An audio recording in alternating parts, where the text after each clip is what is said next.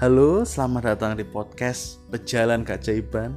Saya Andreas Pasolimpia, seorang happiness coach dan seorang praktisi yang antusias belajar soal batin manusia dari saya usia 10 tahun kira-kira dan saya juga antusias soal komunikasi dan hal-hal yang terkait dengannya.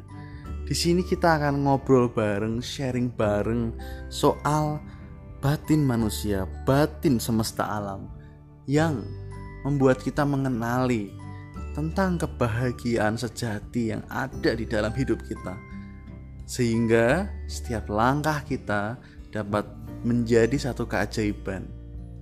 Begitu, teman-teman.